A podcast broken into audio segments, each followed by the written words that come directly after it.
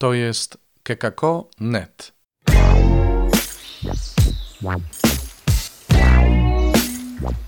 Poranny suplement diety.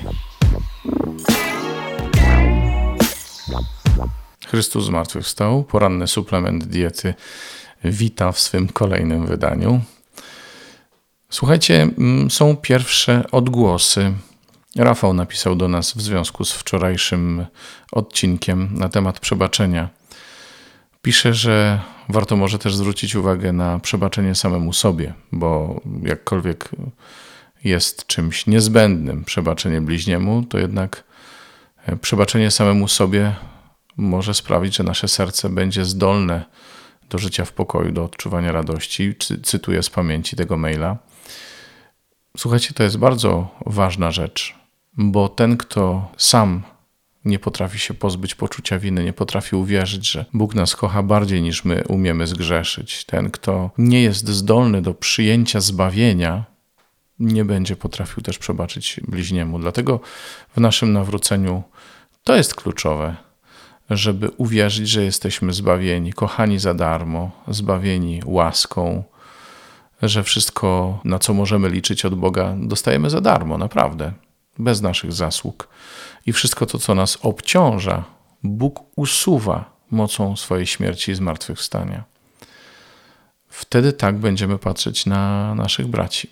No ale dzisiaj jest y, ciąg dalszy. Dziś znów jest i o modlitwie, i nie o modlitwie. Podobnie jak wczoraj. Dziś jest modlitwa również y, z pewnym appendixem, dodatkiem takim, który właściwie wszystko ustawia, wszystko pokazuje we właściwej perspektywie, bo mm, widzimy królową Esterę, która się modli, która prosi Boga o miłosierdzie dla swojego narodu i o to, aby mogła być skutecznym narzędziem w rękach Bożych. Przypomnę, w księdze Estery mamy historię dziewczyny, która porwana ze e, swojego domu zostaje przyprowadzona na dwór królewski, tam casting na królową, bo poprzednia popadła w niełaskę. I rzeczywiście Estera zostaje tą królową, ale też w międzyczasie dochodzi do spisku przeciwko Żydom. I wuj Estery mówi jej: Słuchaj, w twojej pozycji, na twoim miejscu nie możesz tego zlekceważyć. Musisz się wstawić za Twoim narodem u króla. I było to ryzyko, bo kto wchodził do sali królewskiej niewezwany przez króla, ryzykował śmiercią. A ona prosiła Boga, żeby mogła rzeczywiście uzyskać miłosierdzie dla swojego narodu u swojego króla męża. Jakie to było małżeństwo, to sobie wyobraźcie, skoro do męża bała się wejść. Tak więc mamy królową Esterę, która w całej swojej bezradności zwraca się do Boga.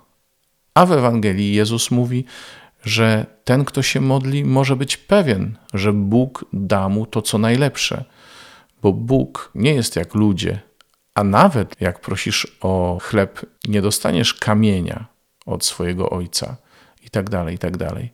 Więc o ile bardziej Bóg da to, co dobre, tym, którzy go proszą.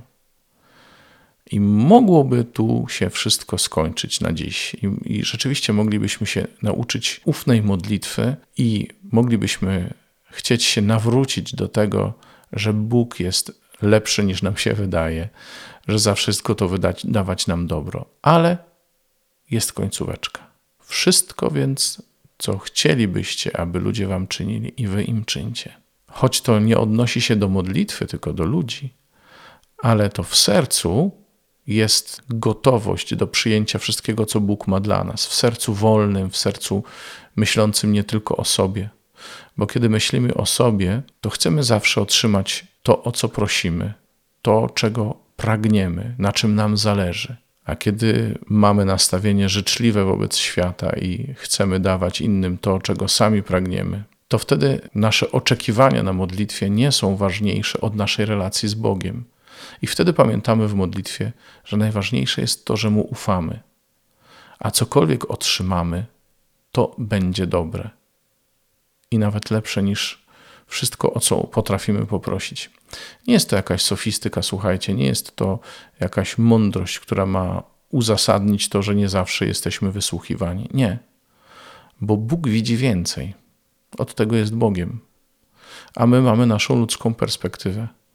Więc w modlitwie chcemy otworzyć nasz umysł i nasze serce, tak jak w życiu, żeby nie patrzeć tylko na koniec swojego nosa, ale żeby widzieć tych, którzy są wokół nas i żeby mieć takie do nich nastawienie, jakiego potrzebujemy sami od nich i od Boga.